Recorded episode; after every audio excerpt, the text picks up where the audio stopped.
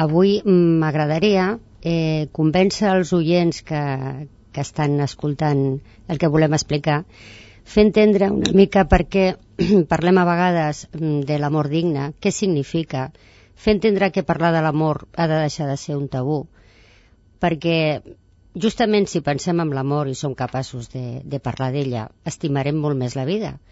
I en aquest sentit m'agradaria molt que aquest discurs arribés i que entenguessin exactament què volem dir, per què hi ha persones que demanen una eutanàsia, per què hi ha persones que signen un testament vital i fer entendre també que això ens afecta a tots, perquè la vida i l'amor van de la mà.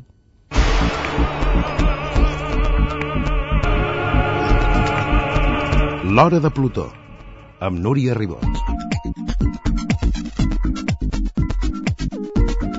Les enquestes mostren que a Espanya la majoria de la població és favorable a la regulació de l'eutanàsia. En els últims anys hi ha hagut moments que aquesta qüestió ha provocat forts debats socials, però els polítics hi han passat de puntetes. Margarita Espunya és antropòloga, periodista i escriptora.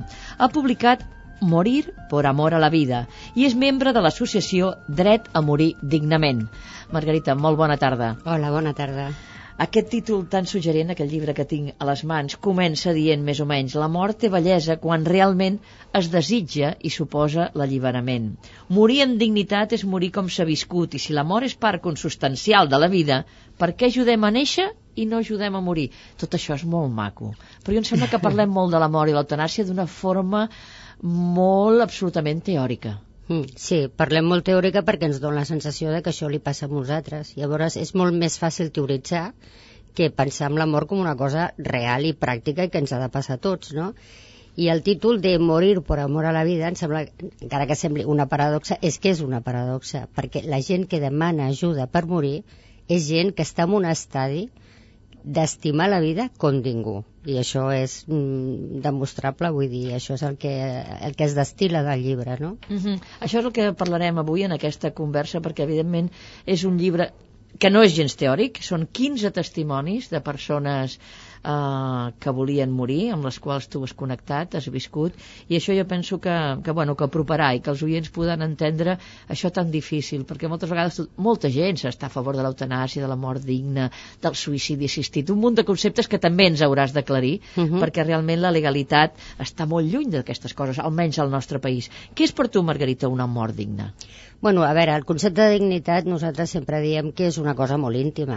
Cadascú té un concepte privat de dignitat, no? Depèn de com hagis viscut, depèn de com, per el que tu sigui qualitat de vida. Però si generalitzem, per fer-ho més fàcil, doncs morir en dignitat seria morir amb un grau d'acceptació mm, important, sense dolor, amb tranquil·litat, rodejat de la teva família i morir quan vols i com vols, i evidentment sense patiment ja sé que és molt maco, però és possible. Uh -huh. Però eh, aquest concepte de dignitat, tu saps que l'utilitzen tant els que estan a favor de l'eutanàsia com els detractors. Sí. O sigui, tots parlen de la dignitat. Sí, tots parlen de la dignitat, però és que mm, jo he vist, en casos que he conegut, que el concepte de dignitat és molt diferent per cada persona. Hi ha persona que considera que dependre d'una altra persona, dependre d'una altra perquè li facin absolutament tot, se sent humillat i ha perdut la seva dignitat o hi ha persona que et diu jo no vull, sobretot estem parlant i això sempre mm, s'ha de deixar molt clar des del principi que quan parlem d'aquesta mena de peticions sempre parlem d'infermetats irreversibles evidentment tots podem passar per un període de la nostra vida molt malalts però que després ens recuperarem. No, estem parlant de persones que no es recuperaran i que saben que si avui els hi sembla indigne eh, que els hagin de rentar, és que a més demà segurament els hauran de fer més coses i consideren, hi ha de tot, vull dir, hi ha persones que et poden sorprendre. Que s'aferren a la vida en aquestes condicions, també, Sí, que eh? s'aferren a la vida, però també hi ha I moltes... també és digne. I també és digne, evidentment, per això que el concepte de dignitat no es pot generalitzar. Clar, cada un considera la seva dignitat d'una manera. Hi ha gent que va amb, amb bolquers, i no ho considera indigne, en canvi hi ha unes altres que per ells és inadmissible, no? Uh Mhm. -huh. Això és el que s'ha de respectar, i a més això també és maco, perquè veus com mantén cada un la vida, no? Eh, eh, hi ha testimonis d'una doncs, persona en concret, una senyora que deia jo quan no pugui agafar el pincell per pin seguir pintant els meus quadros, jo no vull continuar vivint, perquè ja a mi em sembla indigne no poder expressar-me, no? O hi ha algú que et diu, no, no, jo quan no em comuniqui amb una altra persona, hauré deixat de ser jo, i és indigne per mi. És molt maco això, perquè t'ensenya molt de la vida, no? I t'ensenya, a més, que són persones que estimen molt la vida. Justament perquè l'estimen molt, no la volen malviure perquè el que és evident és que hi ha situacions molt pitjors que la mort. Uh -huh. Tu dius que en um, aquell llibre també que la pràctica de l'eutanàsia al nostre país es mou en un, diguéssim, en un marge ple de contradiccions, que hi ha moltes contradiccions al nostre país. Per què? Home, perquè no es pot fer... A veure, jo penso que sempre hi haurà contradiccions, encara que estigui despenalitzada. Sempre hi ha un component emocional molt important, inclús en Holanda, no? que, que està absolutament acceptada i despenalitzada, també ha, evidentment, per què contradiccions? Perquè una cosa és morir i l'altra cosa és prendre la decisió de morir. Són coses molt diferents, no? Llavors, la persona que pren aquesta decisió està eh, posant sobre la taula uns sentiments unes emocions i unes contradiccions, no només per ella, sinó també pel seu entorn. No? L'eutanàsia sempre suposarà... És, és un tema d'un contingut emocional molt fort però no per això l'hem d'eludir, perquè torno a repetir, no es tracta de morir o no morir, eh? perquè morirem igual, o aquestes persones sobretot tenen el calendari, i llavors el que es tracta és de dir, jo, mm, com que em moriré, vull avançar-ho. Per què? Perquè no vull agonitzar. O perquè no vull que la meva vida arribi a un estat que per mi sigui absolutament invivible. No? Uh -huh. Al nostre país, eh, Margarita, es pot morir dignament i legalment? Ara comencem a tenir mitjans que fa uns anys no teníem. Vull dir, hem avançat molt. No estem on voldríem estar, però sí hem avançat molt, amb el sentit de que ara hi ha uns drets com a malalt, d'informació, per exemple, que abans no existia, doncs ara tu tens dret a estar absolutament informat de quin és el diagnòstic, de quin és el pronòstic i de quines són les alternatives. I això implica inclús rebutjar un tractament. Dir, no, jo no vull que m'operis d'aquest tumor que igualment és irreversible i vull que m'apliquis cuidados paliatius. Això ja és molt. O no vull que m'intubin si la meva situació serà irreversible després. En aquest sentit hem avançat molt. No tot el que voldríem. Nosaltres voldríem que la persona mm, condemnada pogués escollir el seu moment. Però clar, això serà... Suposo que arribarà. Mm -hmm. Encara no estem, però sí és veritat que hem avançat molt d'uns anys enrere francament molt. Has parlat de les cures paliatives. Sí. L'anterior ministre de Sanitat eh, defensava la mort digna, però a través de les cures paliatives. Sí. Clar, és realment l'alternativa? No, en absolut, en absolut. I et diré, o et posaré un exemple. A Holanda, la saps que l'eutanàsia està despenalitzada i és on més cures paliatives n'hi ha però hi ha un tipus de malalt que no vol agonitzar. A veure, les paliatives és un, a l'últim estadi que diu si et donaran una sedació terminal, etc etc. però hi ha molt malalt que no vol arribar a aquest estadi o que una cosa és el dolor físic que més o menys es pot controlar, més o menys, eh? no tot, però més o menys es pot controlar, però hi ha un patiment, un sofriment que abarca tot el ser humà, que no li serveix de res que li treguin el dolor físic. I després també depèn del tipus d'enfermetat. Hi ha enfermetats eh, d'aquestes, un tipus esclerosis lateral, etc que tenen un procés llarguíssim. Aquest, o sigui, és que no els serveixen de res paliatius. M'entens? Són bones que n'hi hagin, però també, ojo amb això, perquè si aquesta és l'excusa perquè l'eutanàsia no es pugui despenalitzar, llavors tenim un problema. I tenim un problema perquè tampoc tenim suficients cures paliatives. I tampoc n'hi ha. Vull dir, aquest és l'altre problema. No, la meitat del, la meitat del malalt eh, moribund a Espanya encara està morint en dolor. A Catalunya som bastant afortunats amb aquest, amb aquest tema. Tenim bastant accés, però no a tot arreu, eh? Vull dir, encara falta molt. Doncs bé, d'aquesta, de la mort digna, les diferents formes de la mort digna, que no totes existeixen al nostre país, en parlarem avui amb la Margarita Espunya. Però abans, la Pilar de Pedro ens farà 5 cèntims sobre qui és la nostra convidada d'avui.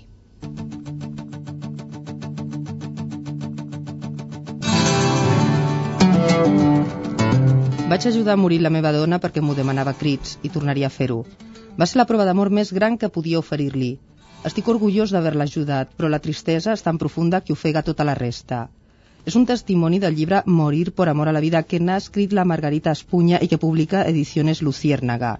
La nostra convidada, que és membre de l'associació Dret a morir dignament, diu que el llibre respon a una tesi doctoral sobre l'eutanàsia que va començar i que no va acabar, i a la promesa que li va fer a un amic que va morir fa anys.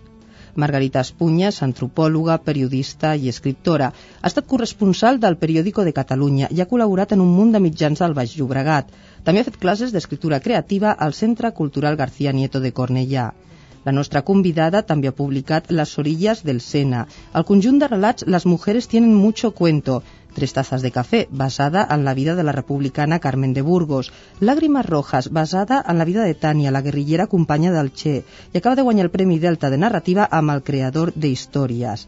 Ara treballa en una novel·la basada en la vida de Beatriz Allende, la filla del president xilè, que es va suïcidar després d'exiliar-se a Cuba. Margarita Espunya té dos fills de 30 i 23 anys. El seu signe del zodíac és verge i li agrada molt navegar per internet, bàsicament per buscar informació pels seus llibres. Per desconnectar, res millor que anar a Capella, a Osca, un poble de mosques, riu i calor, explica, on li agrada passar les vacances, però generalment desconnecta poc. La nostra convidada diu que per ella el cap de setmana ideal és el que passa escrivint. Avui coneixeran una mica els testimonis que apareixen en un dels seus llibres, Morir per amor a la vida, i la seva feina a dret a morir dignament.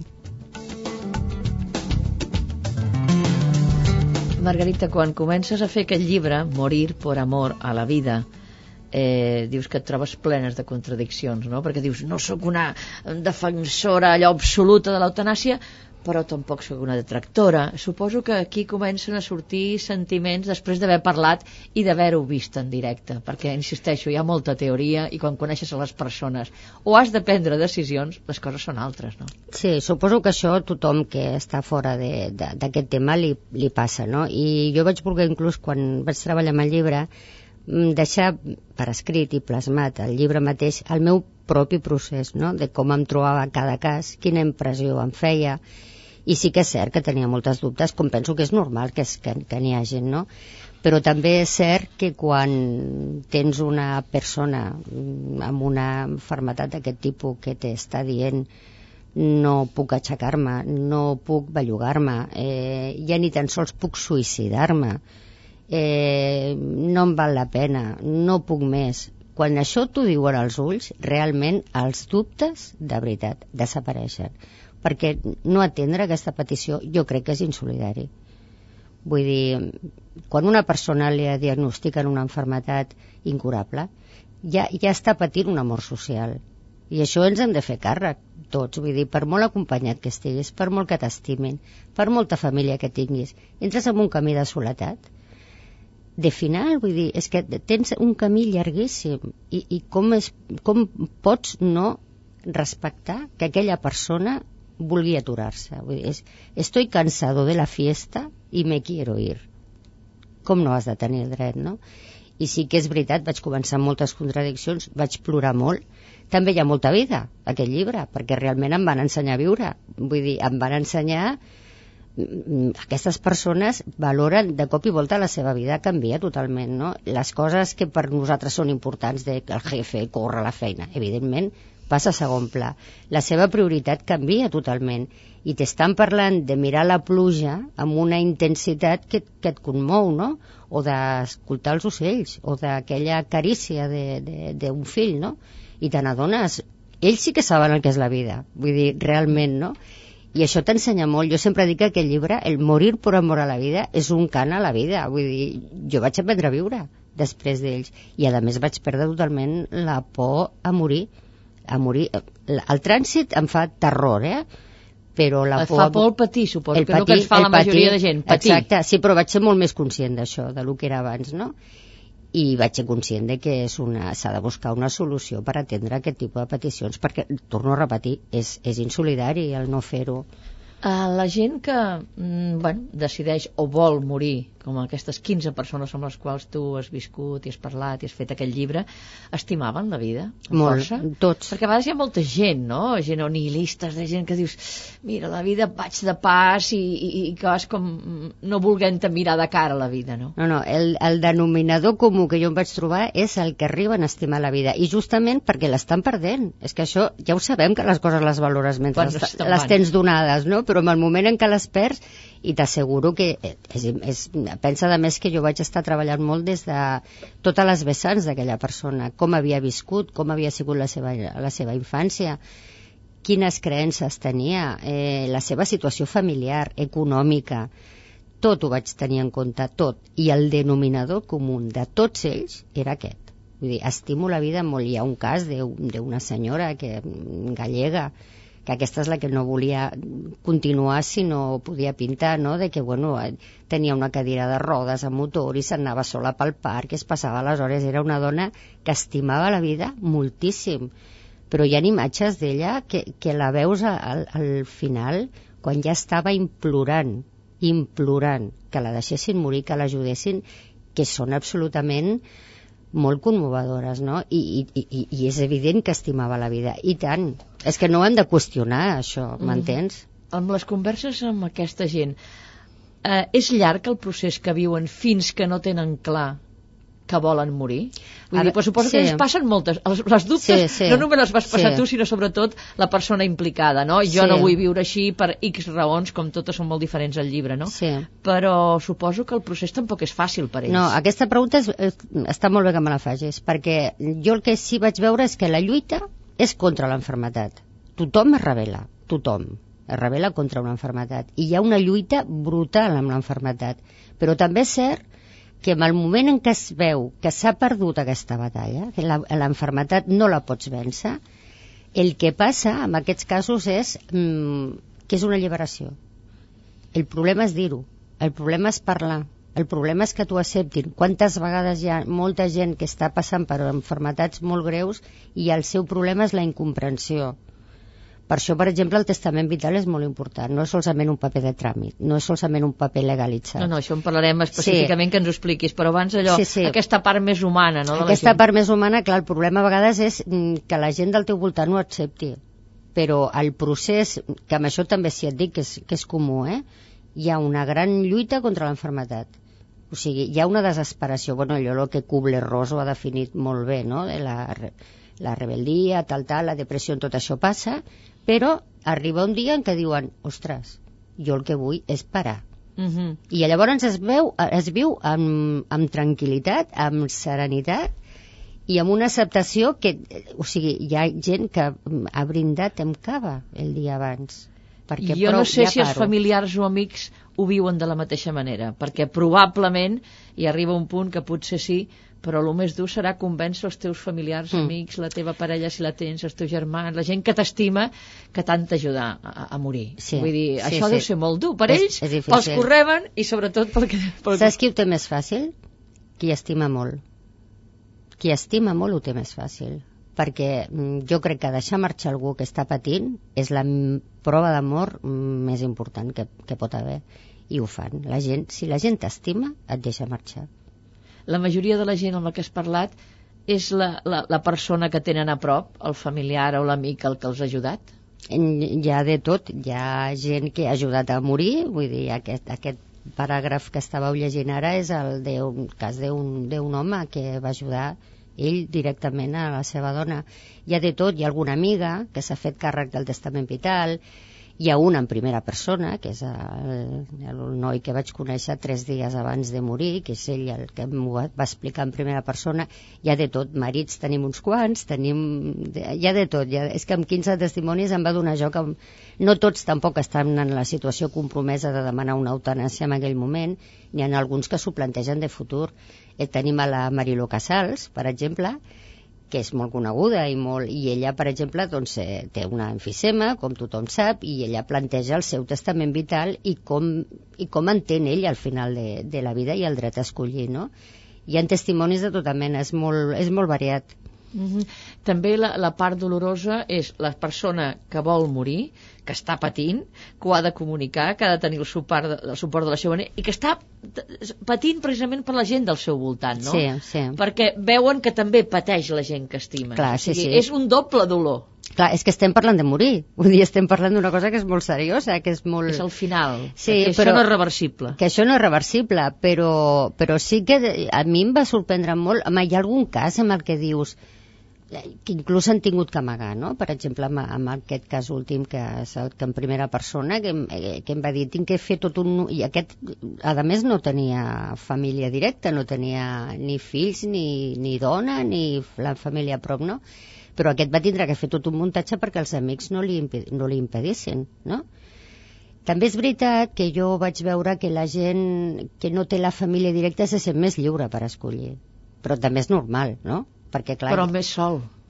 més lliure, amb més capacitat de decisió sense comptar tant amb els altres. Potser els altres ho allarguen més, no? Diuen, bueno, eh, mira, esperaré Nadal o esperaré què tal, no?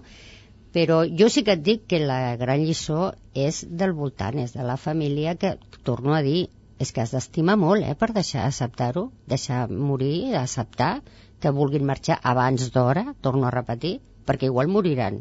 Això ho sabem tots i ho saben Uh -huh. Però deixar avançar és molt dur, és difícil, però la gent que estima ho fa. Tu creus que és bo pel debat sobre l'eutanàsia eh, que donguin la cara? Hi ha hagut gent coneguda, de San Pedro, Jorge León, però no tothom, i evidentment no tothom la gent que surt al teu llibre, que a més a més els hi poses noms ficticis, Sí, sí. llocs ficticis, etc etc, pel que suposa, no?, per les legalitats.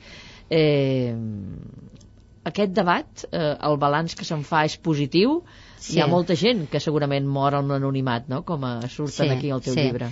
Home, és bo, perquè, per exemple, el tema de la Immaculada Echeverria, no sé si recordeu que és aquella senyora que va demanar retirar la intubació, doncs ha creat un precedent, ella ho va demanar, a més de forma legal, se li va concedir, amb lo, amb lo qual és una cosa que ja es feia perquè és legal, encara que no ho sembli, però a partir d'ella doncs, ha creat un precedent. És important, però també és normal que molts no vulguin sortir als mitjans, perquè això acaba sent una fira.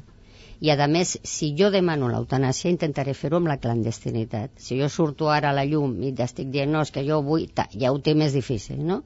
Perquè llavors, pensa que els casos que n'hi ha, la majoria, evidentment, es fan en clandestinitat. Sortir en un mitjà suposa mm, ser un foc d'atenció que, clar, llavors és molt més difícil, no? Però sí que és important que surtin, que surtin a la llum. Jorge León no volia sortir a la llum, no volia i en canvi va ser I tu el vas conèixer de prop, ell el vas sí, conèixer sí, de prop. el, vaig conèixer. Va ser ell que et va voler conèixer tu. Sí, sí, sí. Jorge León estava en una situació molt desesperada, realment. Ell feia anys que havia tingut un accident domèstic a casa, teva, a casa seva, va caure, va quedar pentaplègic, vull dir, només mm, podia bellugar el, el cap i a més intubat. Vivia amb una, amb una màquina constant d'oxigen, no? La seva situació era molt, molt, molt dramàtica.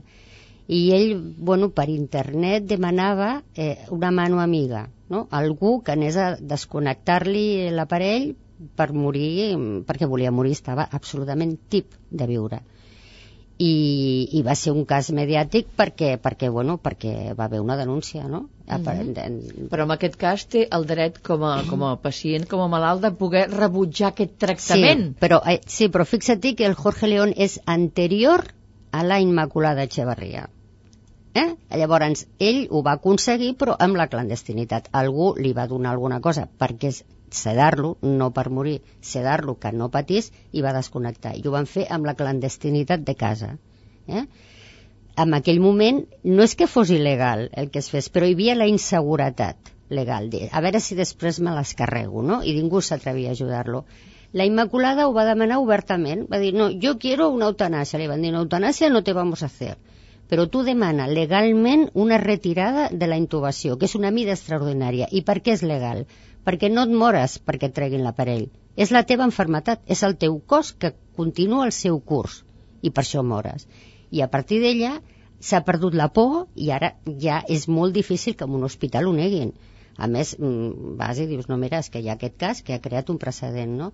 Però clar, han d'haver casos i és, és molt lent, això, és molt lent, però mm, hem avançat. No, I l'altre també dels casos és, evidentment, topar-te amb els metges que et puguis topar i d'això en parlarem. Però fem una pausa i escoltem una mica Mhm. de música. Molt bé. Serrat, que ens aixequi l'ànim, perquè no, no és que estem allò baixes d'ànim, però realment és un tema que dona molt per la reflexió, perquè estem parlant del que dèiem, no? La, la, la, algo irreversible que passa Exacte. i que no es pot repetir que...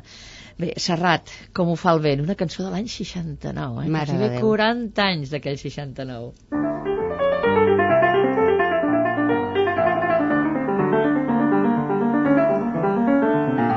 Jo vaig néixer com neix la brisa a la vora del mar. Amic del sol i de la pluja vaig aprendre a volar com ho fa el vent. És així com jo vull viure, com ho fa el vent. El vent que es mou i que és lliure entre la gent. I vaig créixer buscant els versos que van tapar la pols, arrossegant les fulles seques mortes per la tardor, com ho fa el vent. És així com jo vull viure, com ho fa el vent. El vent que es mou i que és lliure entre la gent. Jo no he nascut per llosa de marbre per geure al damunt d'un mort. La terra sols atrapa l'arbre i jo vaig de port en port com fa el vent. És així com jo vull viure, com ho fa el vent. El vent que es mou i que és lliure entre la gent. Obre'm, nina, la teva porta, obre i deixa'm passar. Res no ha de saber ningú, escolta, me n'aniré demà, com ho fa el vent. És així com jo vull viure, com ho fa el vent. El vent que es mou i que és lliure entre la gent. I així sense mirar endarrere meu de veure passar. Res no us deixo, ningú m'espera, me'n puc anar i tornar, com fa el vent. És així com jo vull viure, com fa el vent. El vent que es mou i que és lliure entre la gent, com fa el vent. És així com jo vull viure, com fa el vent. El vent que es mou i que és lliure entre la gent.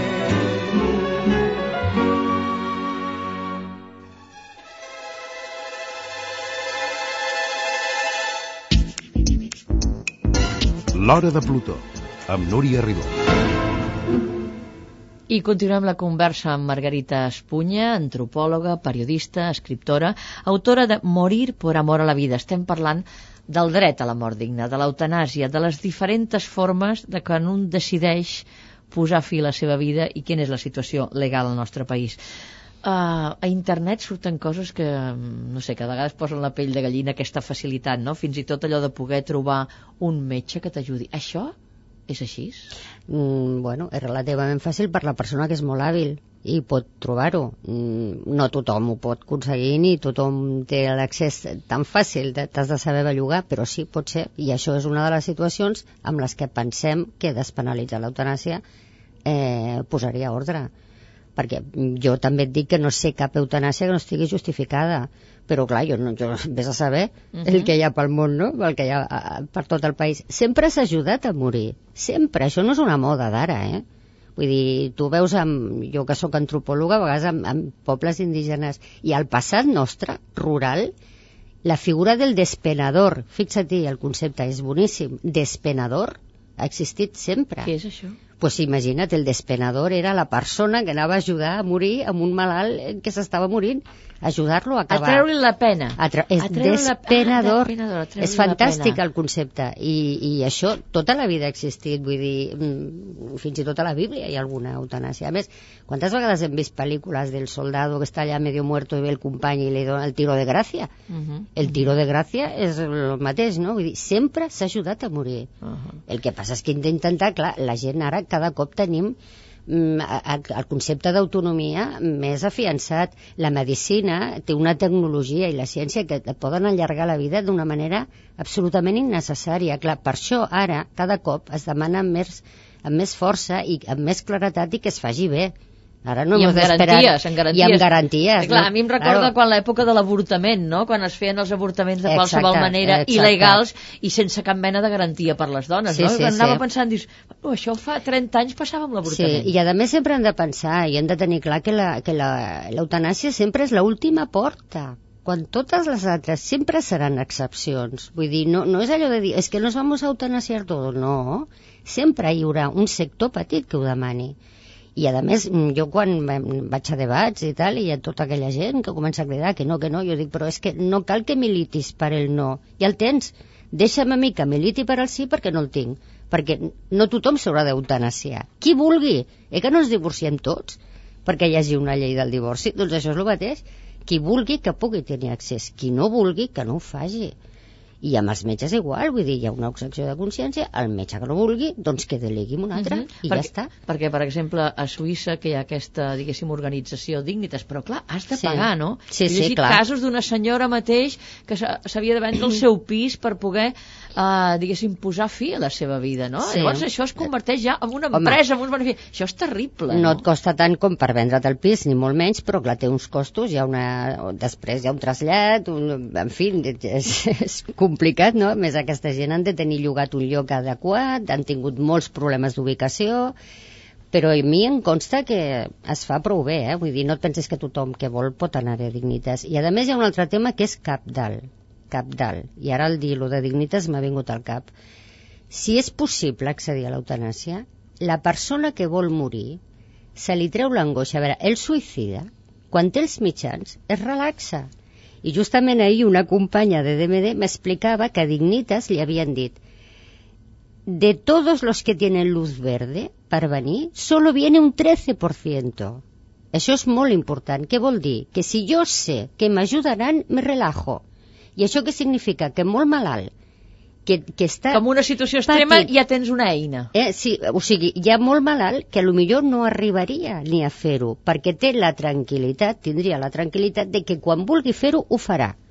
Però mentrestant no cal que m'angoixi. Clar, hi ha molta gent que diu, si no hi ha eutanàsia, jo em tinc que suïcidar. Perquè, clar, si després aquests, aquestes enfermetats i malalties que paralitzen el cos, és que millor no pots ni tirar-te per la finestra. Uh -huh. Llavors hi ha gent que aquesta angoixa la fa avançar la seva mort. Si a lo millor tinguéssim absolutament regularitzat aquesta possibilitat de morir en condicions, molta gent es relaxaria. I a lo millor no caldria abans d'hora. Imagina't si és important. Uh -huh. Parlem dels conceptes que abans dèiem. A veure, què s'entén per eutanàsia? Després parlem del suïcidi Sí. assistit. Hi ha un munt de conceptes Sí, sí, que, clar, és sí. posar fi a la vida, però què significa un i l'altre? Sí. A Eutanàsia. veure, ajudar a posar fi a la vida eh, és amb tots els conceptes. Vull dir, eutanàsia vol dir buena muerte. Val? El que passa és que perquè ens clarifiquem tots, eh, i sobretot avancem, perquè si no no avançaríem mai amb el discurs, ara sí que ja s'estan fent distincions molt clares, sobretot des del punt de vista legal. Què es pot fer i què no es pot fer. L'eutanàsia, quan diem eutanàsia estem parlant d'una eutanàsia activa. I això significa que un sanitari, un metge o un sanitari, faci una acció directa al teu cos per acabar amb la teva vida. Una acció directa. Quina diferència és amb el suïcidi assist mèdicament assistit? Molt fàcil. El metge o la persona sanitària o qui sigui et dona els mitjans perquè tu de forma autònoma et suïcidis. No és igual que a mi em posin una injecció per acabar amb la meva vida a que a mi em donguin una medicació, una barreja de medicació que jo me la prengui sola.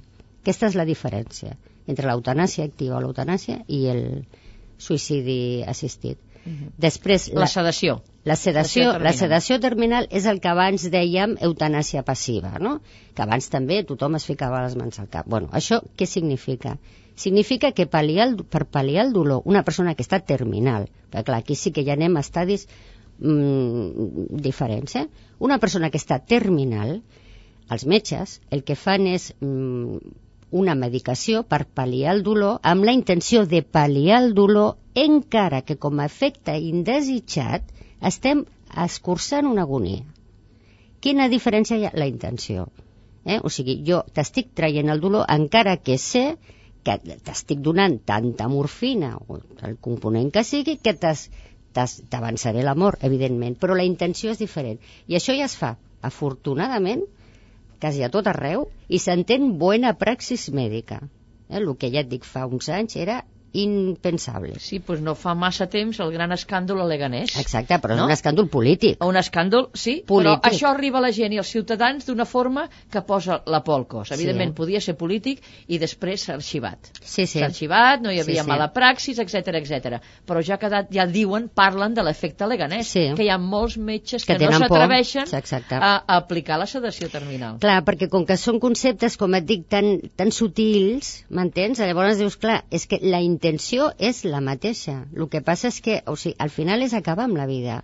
El que passa és que el procés és diferent. Clar, hi ha molts metges, clar, també per retirar una intubació hi ha metges que tenen por, perquè hi ha una indefinició legal que fa que, que, que hi hagi una inseguretat, no? El tema leganès ha sigut molt greu, perquè, clar, lo dolent no és que la gent agafi por, lo dolent és que agafin por als metges perquè llavors el que es considera una bona pràctica metge i que afortunadament es fa, estem parlant de, par- parlant de persones que s'estaven morint, que estan terminals. Què més dona? O sigui, com no has d'ajudar a que morin a gust bé, sense patir, o has d'esperar una agonia llarga, interminable, jo entenc que el metge de Leganés el que feia era ajudar-los perquè ja eren persones que s'estaven morint. I aquí el que hi ha hagut és un, una polèmica política que a més és molt trist que es jugui amb el dolor i amb el patiment de la gent per fer política. Pues molt parlant trist. de la política, els polítics solen passar molt de punteta sobre aquesta qüestió. Totalment. El PSOE en l'altra legislatura, Sí, sí. sembla que volia obrir les portes i ara ha fet marxa enrere. Sí, sí, endarrere. sí. O sigui que mm, d'aquest tema millor ni No parlar saber no? no, ja diuen Però que- ells i tots els partits, eh? Vull Sí, dir, bueno, no, a veure, tenim Esquerra i tenim Iniciativa, tots aquests sí que estan per, per al tema i han fet inclús propostes de llei, eh, de, de despenalització. El PSOE, doncs, el que ha passat és que va, va començar con muchos fueros i va fer tres o quatre lleis molt progres, va tindre les seves trompades i suposo que ara no, no el cos electoral que els hi suposaria això. I no, i el fumut és que et venen amb, amb el que dèiem abans, no? No, con les paliatives ja està solucionat. No, no ens enganyem, està solucionat un aspecte de la mort, però no, ni molt menys tot, no? I jo penso que espero, aquesta legislatura no espero res, però potser la propera sí, no? Però clar, el puedo prometer y prometo és, és lo de sempre, no? Margarita, la Maria Casado, que és la directora de l'Observatori Mm. de Bioètica i Dret de la Universitat de Barcelona, va estar aquí al nostre programa. Ella ha dit que sobre el tema de l'eutanàsia no hi ha democràcia si no es considera l'eutanàsia. Diu, l'acceptació o no de l'eutanàsia implica un test de validació de l'acceptació de l'autonomia de la pròpia Sí, persona, sí, sí. no? Sí, Vull sí, dir, sí, I ella sí. ho, ho relaciona absolutament amb la democràcia, clar, no? el clar, fet de sí, tenir sí. aquesta autonomia. Clar, perquè en la democràcia que busquem? Busquem una qualitat de vida, bu- busquem, o sigui, la, la, la societat del bienestar, el, el derecho eh, a decidir, hi ha moltes coses que en democràcia hi ha a la Constitució, no? Tothom té dret a no sé quantes coses, però si no tens dret a morir, com tu vols i de la manera que tu vols i amb el moment que tu escolleixes, perquè torno a repetir que això és molt important. No es tracta de morir o no, sinó de com i quan, que és molt diferent, no? Si no tenim dret a això, hi ha gent que diu, si no tens dret a morir, no, no tens dret a viure. I és evident, o sigui, jo vull qualitat de vida fins al final. Vull qualitat de vida fins al final. Per què se m'ha de negar això? Potser hi ha molts, i per exemple, jo sempre que em sembla que la religió aquí té un paper molt important. El Fernando Sebastián, que és l'arcabisbe emèrit de Pamplona, va, va, va comentar sobre l'eutanàsia i va dir que alguns confonen la dignitat de la mort amb el por al dolor. La por que tenen a patir, no?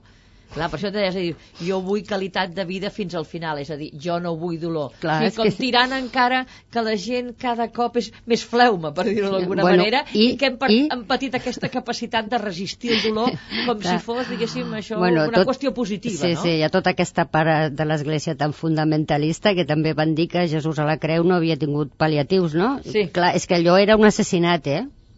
No era una eutanàsia, era un assassinat. I tot i això, no sé si no va tenir paula, pa, pal·liatius, perquè li, li netejaven, li donaven aigua als llavis, eh? Vull dir, és molt discutible. L'Església sempre ha sostingut això de que la, el sufrimiento redime. Bueno, pues para los parroquianos, m'entens? Los parroquianos que quieran sufrir para, perquè potser ja, això és fundamentalisme pur, és absurd totalment. Mm, jo no vull patir, m'és igual. Jo crec que si hi ha Déu, que no ho sé, no ho sé. Jo, goita, no dic que no n'hi hagi, no ho sé, però el que estic convençuda és de que tan cruel no és. Convençuda. Una cosa és el que diuen els capellans, l'altra cosa és la que sigui Déu. I Déu tampoc no ve a posar tubos i allargar la vida més allà de lo necessari. Això és una prepotència humana. Això no té res a veure, Déu. Déu ve a les ubis i posa tubos i encarniza la gent. No, jo no l'he vist mai. Fem una altra pausa. Dona que pensar, això una bona reflexió mentre escoltem a Silvio Rodríguez i la canció de la trova. Aunque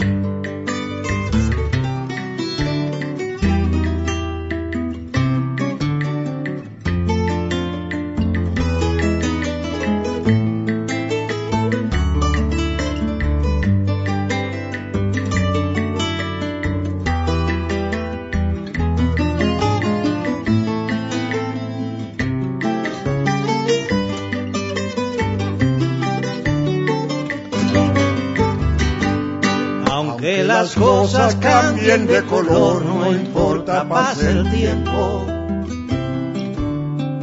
Las cosas suelen transformarse siempre al caminar. Pero tras la guitarra siempre habrá una voz, más visto, más perdida por la incomprensión de ser. Uno que siente como en otro tiempo fue también. Hay también corazones que hoy se sienten detenidos. Aunque sean otros tiempos hoy, y mañana será también.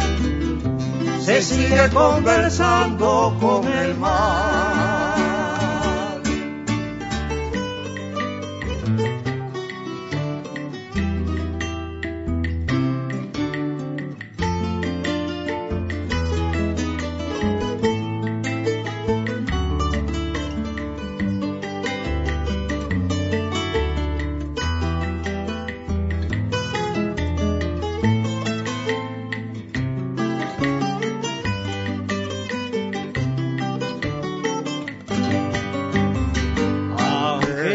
Cosas cambien de color, no importa, pase el tiempo.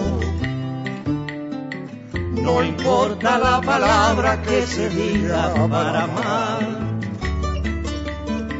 Pues siempre que se cante con el corazón, habrá un sentido atento para la emoción de ver que la guitarra es la guitarra sin envejecer. Que la guitarra es la guitarra sin envejecer. L'Hora de Plutó. Dissabtes de 3 a 4 de la tarda. I arribem a la darrera part del programa d'aquesta conversa amb Margarita Espuny, antropòloga, periodista i escriptora i autora de Morir por amor a la vida. Estem parlant de dret a morir dignament. I estàvem parlant de tots els aspectes legals, Margarita. A Catalunya som pioners en el testament vital i a mi m'agradaria que s'expliqués exactament, a veure, què vol dir, què significa, quina mena d'eina és el testament vital. Sí, doncs a Catalunya són pioners. Ara, en aquest moment, ja totes les autonomies del país tenen legalitzat el testament vital. I el testament vital mmm, jo penso que és una, és una eina importantíssima. No és una eina que hem d'utilitzar contra el metge ni defensiva, perquè important del testament vital és que ens obre un diàleg. I, qui, i, I què ens possibilita? El testament vital possibilita que, una, que qualsevol persona major d'edat, que estigui en condicions mm, entenedores, etc., deixi per escrit tot allò que no vol que passi al final de la seva vida per si cas arriba un dia en què no es pot pronunciar. Eh? Això què significa? Això no si- significa que no cal que tinguis una enfermetat mm, diagnosticada. O sigui, perquè pensem, ah, bueno, el testament vital perquè el que li han dit que té... No, perquè jo ara estic bé i potser surto al carrer, m'atropella un cotxe i la meva situació queda absolutament compromesa. Aleshores, tothom l'haurien de fer. I què hem de fer constar? Doncs hem de fer constar que amb el cas de que arribem a una situació compromesa de salut, que hi ha diferents opcions, eh? De, de càncer disseminat, de, de copa, derrame cerebral, accidente que em quedo, tal, que sigui irreversible, això és molt important, irreversible, jo no vull que m'allarguin la vida de determinada forma. Llavors ja parlem doncs, de, de, suport, de suport vital, d'oxigen, d'hidratació, d'una sèrie de coses. No vull que facin res per allargar-me la vida, inclús vull que em palien el dolor encara que m'estiguen escurçant la vida. Si la situació és irreversible, torno a repetir. Mhm. Ara no ens posem paranoics, perquè Però- clar, tu a lo millor t'intuben un mes i després tornes a estar bé. No. Mhm. eh? Llavors, es tracta de deixar això per escrit. Però aquest dret no el té ja el pacient amb una llei que hi ha de sanitat, aquest que deies tu al començament, no? Aquest rebuig a una Sí. prolongació de la vida. Vull dir, Sí. què, què afegeix el testament Home, vital que no té? Deixar-ho dit, perquè jo a lo millor ara vaig al metge i li dic jo no vull que m'intubis, però i si vaig al metge en coma? Uh -huh. Ja no puc dir-ho. Bueno, I la posició del metge aquí? El metge eh, pot eh, també objectar davant El d'això. metge pot... pot ser obje- objector, no? Pot, sí, clar, evidentment, clar, i si ho és, ho és, i uh -huh. fora, que llavors que li passi a un altre, no? Uh -huh. Però jo crec que això és molt bo també. El testament vital, encara que hi ha metges que li tenen por, perquè els sembla que els hi quartarà, no, jo penso que, que és un diàleg, que llavors, inclús encara que no puguis parlar-lo, és un diàleg, perquè ell sap que aquella persona que té davant, què és el que no vol, i ell ha de valorar Clar, perquè això és el metge qui ho sap, és l'equip metge qui sap si t'intubaran un mes i, i hi ha moltes possibilitats perquè tornis a estar bé o no, Mhm. o la teva situació és irreversible. Però parlem com funciona, perquè tu mateix acabes de dir, jo surto ara aquí de la ràdio, Sí. tinc un accident, Sí. i tu no tens capacitat de poder explicar al metge Sí. on te vagis perquè has perdut el coneixement o perquè quedes Sí, en coma, sí, etc. sí. Vol dir que en el moment hi ha un control per part dels hospitals que existeix, eh, diguéssim, a internet, es, ràpidament saben que aquella persona ho té sol·licitat? A veure, això existirà, se suposa, en el futur, quan no, jo ara sempre faig broma, no? De moment aquest país l'únic que funciona és... Mm, Funcionen és- moltes és, coses, És, funcionen és, moltes és coses. Hisenda, és Hisenda. Però el dia que tot funcioni, se suposa que mm, hi haurà un registre central on tots els hospitals podran accedir. Vol dir que hores d'ara no el tenim? No el tenim. O sigui, no serveix de res el No, testament vital, un perquè moment, no saben res que tu l'has no, fet. No, un moment. Tu quan fas el teu testament vital el pots fer amb notari o el pots fer en testimonis. I sempre ho facis com el facis, tu és bo que tinguis un representant. I aquest representant ha de tenir una còpia. Eh? I, I el teu metge de capçalera ha de tenir una còpia. I quan et fan una prova, una intervenció que no saps com sortiràs, s'ha de grapar amb el consentiment informat.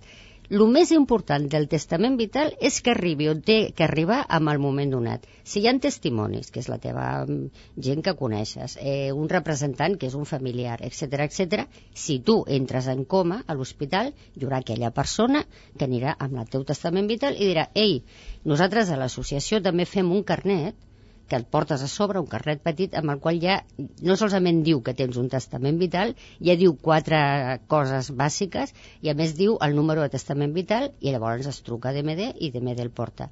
Però el més important, més que registrar-ho i no registrar-ho, torno a dir, és que les persones del teu entorn i el teu metge... Ho sàpiguen. Ho sàpiguen i tinguin còpia. La persona que ho vol fer, què ha de fer? Perquè tu has parlat ara d'un notari, això, eh, l'associació, suposo que es podeu poder fer Sí. molts llocs. Com es fa? A veure, és molt més fàcil del que sembla. A internet et pots baixar models. No hi ha un sol model eh, de testament vital. Eh, Tu pots dir el que vulguis al testament Però vital. després la confirmació Sí que legal, ha- diguéssim, no? Qui... Sí, bueno, la confirmació legal mm, no cal. O sigui, si tu... Aquest, nosaltres tenim el nostre testament vital amb testimonis, ja és legal amb testimonis i, amb- i, i sempre aconsellem el representant. Els testimonis no han de ser família directa, com a mínim dos. Necessitem tres testimonis. Dos no han de ser ni vinculades a patrimoni ni família directa, eh? fins a segon grau, etc. El tercer ja no importa. I després el representant. Ah, Llavors, mm, aquesta ja és una validació legal. Si a més el registres, doncs a més està registrat, però no és més legal perquè estigui registrat o que no ho estigui. És vinculant amb el sentit de que aquest representant, aquestes persones, quan arriba l'hora de la veritat, potser se'ls hi, hi encongeix el cor i decideixen no fer-ne cas, o és vinculant? Ha de ser vinculant. És un dret Legalment no es poden Legalment, tirar endarrere no, aquesta gent? No, No. no. El pots canviar tu, personalment? Sí, sempre que vulguis, tu pots canviar cada any. Com qualsevol o, tractament. O jo ara, clar, jo ara, per exemple, dic ara vull fer-me un perquè em fa por que m'atropelli un cotxe, però millor d'aquí dos anys m'han diagnosticat un Alzheimer. Llavors canvio. Clar, el pots renovar, el pots canviar, el pots anul·lar i tot. Vull dir, sempre ets lliure de, de canviar d'idea, no? Però jo penso que és bo que tothom s'ho plantegi, perquè a més també, sobretot amb, amb gent que ja està malalta, el que dèiem abans, oi, com parles amb la família? Doncs amb el testament vital. M'entens? Mhm. amb, amb el testament vital obres un diàleg amb tu mateix, la teva mort, sobretot ja dic, amb gent que ja està amb, amb l'espada de Damocles, no? I és una eina molt, molt interessant per dir a la família, escolta'm, faig aquest testament vital, vull buscar testimonis, ho faig per això i és un diàleg molt important. Però sobretot i al marge d'internet, perquè potser hi ha molta gent que, bueno, que no, es Sí. no, és, no és familiar, no internet, l'associació del Sí, dret a morir tenim, sí, sí, a sí. Barcelona, Sí, vull dir, l'informen absolutament La Generalitat també té un model, eh? La Generalitat té el seu model, nosaltres tenim un altre, i és que tu pots fer-te el model. El que passa és que ja n'hi han plantilles perquè ja són orientatives, Mhm. perquè clar, si no has fet mai no, no saps per on tirar, no? Ja, però això de tenir el model, què vol dir? És a dir, tu pots posar allà unes condicions amb les que voldries morir o uns tractaments que rebutges. Tu pots decidir rebutjar tota mena de tractament o només n'hi ha uns d'estipulats No, no. legalment que tu pots rebutjar i en No. cap, o pots rebutjar-ho tot? Evidentment, tots el amo i senyor del teu cos, tu pots rebutjar absolutament tots els tractaments. Clar, home, el lògic és que diguis si la situació és irreversible, torno a dir. perquè si no entraríem en una paranoia. Uh -huh. que I quina està no la reacció a Catalunya de la gent? Els ciutadans de Catalunya. Vull dir, és prou conegut el testament vital? Home, la gent no, està, no està tot fent-lo? no, està fent-lo? no tot el que hauria de ser, però sí que jo m'atreveixo a dir que té bona salut perquè ens truquen a la- a l'associació gent que, que realment els hi han respectat. Mhm. Sí, sí, i cada cop més, eh? I la situació a la resta d'Espanya com està? Perquè has dit ja que totes les autonomies sí, també el tenen. Sí, és similar. Penso que a Catalunya amb això, com amb altres coses, afortunadament són pioners, eh? Però eh, és lent, és lent, i encara hi ha metges que veuen allò i diuen aiui, aiui, però sí, Mhm. sí. Ja ens està quedant molt poc temps, però també una altra reivindicació de d'MD, de l'associació Morir Dignament, eh, és que reivindiqueu la modificació d'un article del Codi Penal, l'article 143. Per què? Famós. Què significa això? Perquè aquest article significa que està eh, equiparant l'ajuda a morir, en, no diu mai la paraula eutanàsia, eh, al còdic, però sí que la- l'ajuda a, a morir en, amb atenuants, si és que se pide reiteradament i tal, però ho està equiparant amb l'homicidi. Llavors hi ha una indefensió davant d'aquesta situació que la gent té por d'ajudar, no? Ho està equiparant, amb això s'ha de modificar. O si no modificar, s'ha fer com a Holanda, que està despenalitzada. Això què vol dir? Que està penada una eutanàsia que no esté... mm, Que no estigui ben feta que i no segons la sota legalitat. els protocols. Està igualment penada. Ara, sota determinades circumstàncies i amb els protocols, està despenalitzada, no passa res perquè ho facis. Al marge d'Holanda, quins altres països tenen Doncs una situació regulada? Bèlgica i després tenim eh, Suïssa i Oregon que es permet el suïcidi assistit. Oregon, als Estats Units. Eh. I això és pràcticament tot el panorama que hi ha al món, es De, podria moment, dir? de moment, França està, jo diria que encara més lluny que nosaltres, Itàlia ja ni t'explico, etc etc etc. Sí, sí. Doncs bé, encara, Encara ens falta. queda molt per parlar, Sí. però em sembla que, si més no, aquesta conversa ha servit per apropar el que significa morir dignament i el que significa tenir un, testa, una, com un uh, Testament testament vital. vital, un Mhm. testament vital que el tenim ja al nostre país i que val dir la pena i qualsevol dubte a l'associació o morir dignament de Barcelona. Moltes gràcies, Margarita. A vosaltres. Acabem amb música cubana perquè veig que mm, li tens una predisposició especial a Cuba. amb el company Segundo i Macusa. Us diem adeu en nom de tot l'equip, moltes gràcies per acompanyar-nos, en nom de la Pilar de Pedro, als guions, també de la Dolors Joanola a la producció i de la Rosa Silloé a les vies de so. Tenim un correu electrònic per qualsevol comentari, plutó arroba catradio.cat. Me quisiste Macusa y yo también te adoré. Con tanta ilusión te quise que nunca de ti dudé.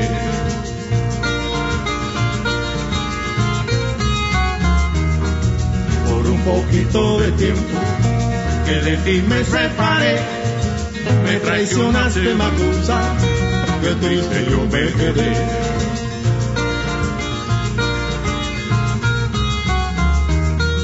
me devolviste el retrato que en prueba de amor te di y me pediste tus cartas que en ella decías así te quiero mi puchulito tú nunca me hagas sufrir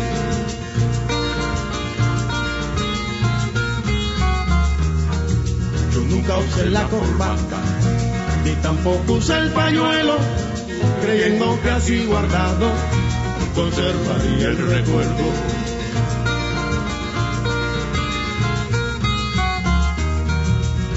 Se dieron cuenta que todo iba a ser traición. Se metieron en el cofre donde guardé mi pasión, destruyendo los recuerdos del engaño de un amor.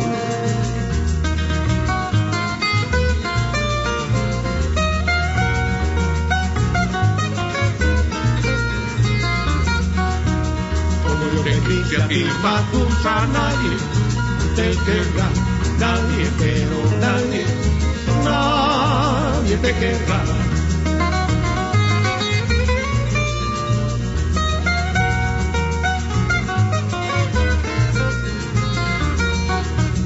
Como yo que quise a ti, Macusa, nadie te querrá, nadie, pero nadie, nadie te querrá.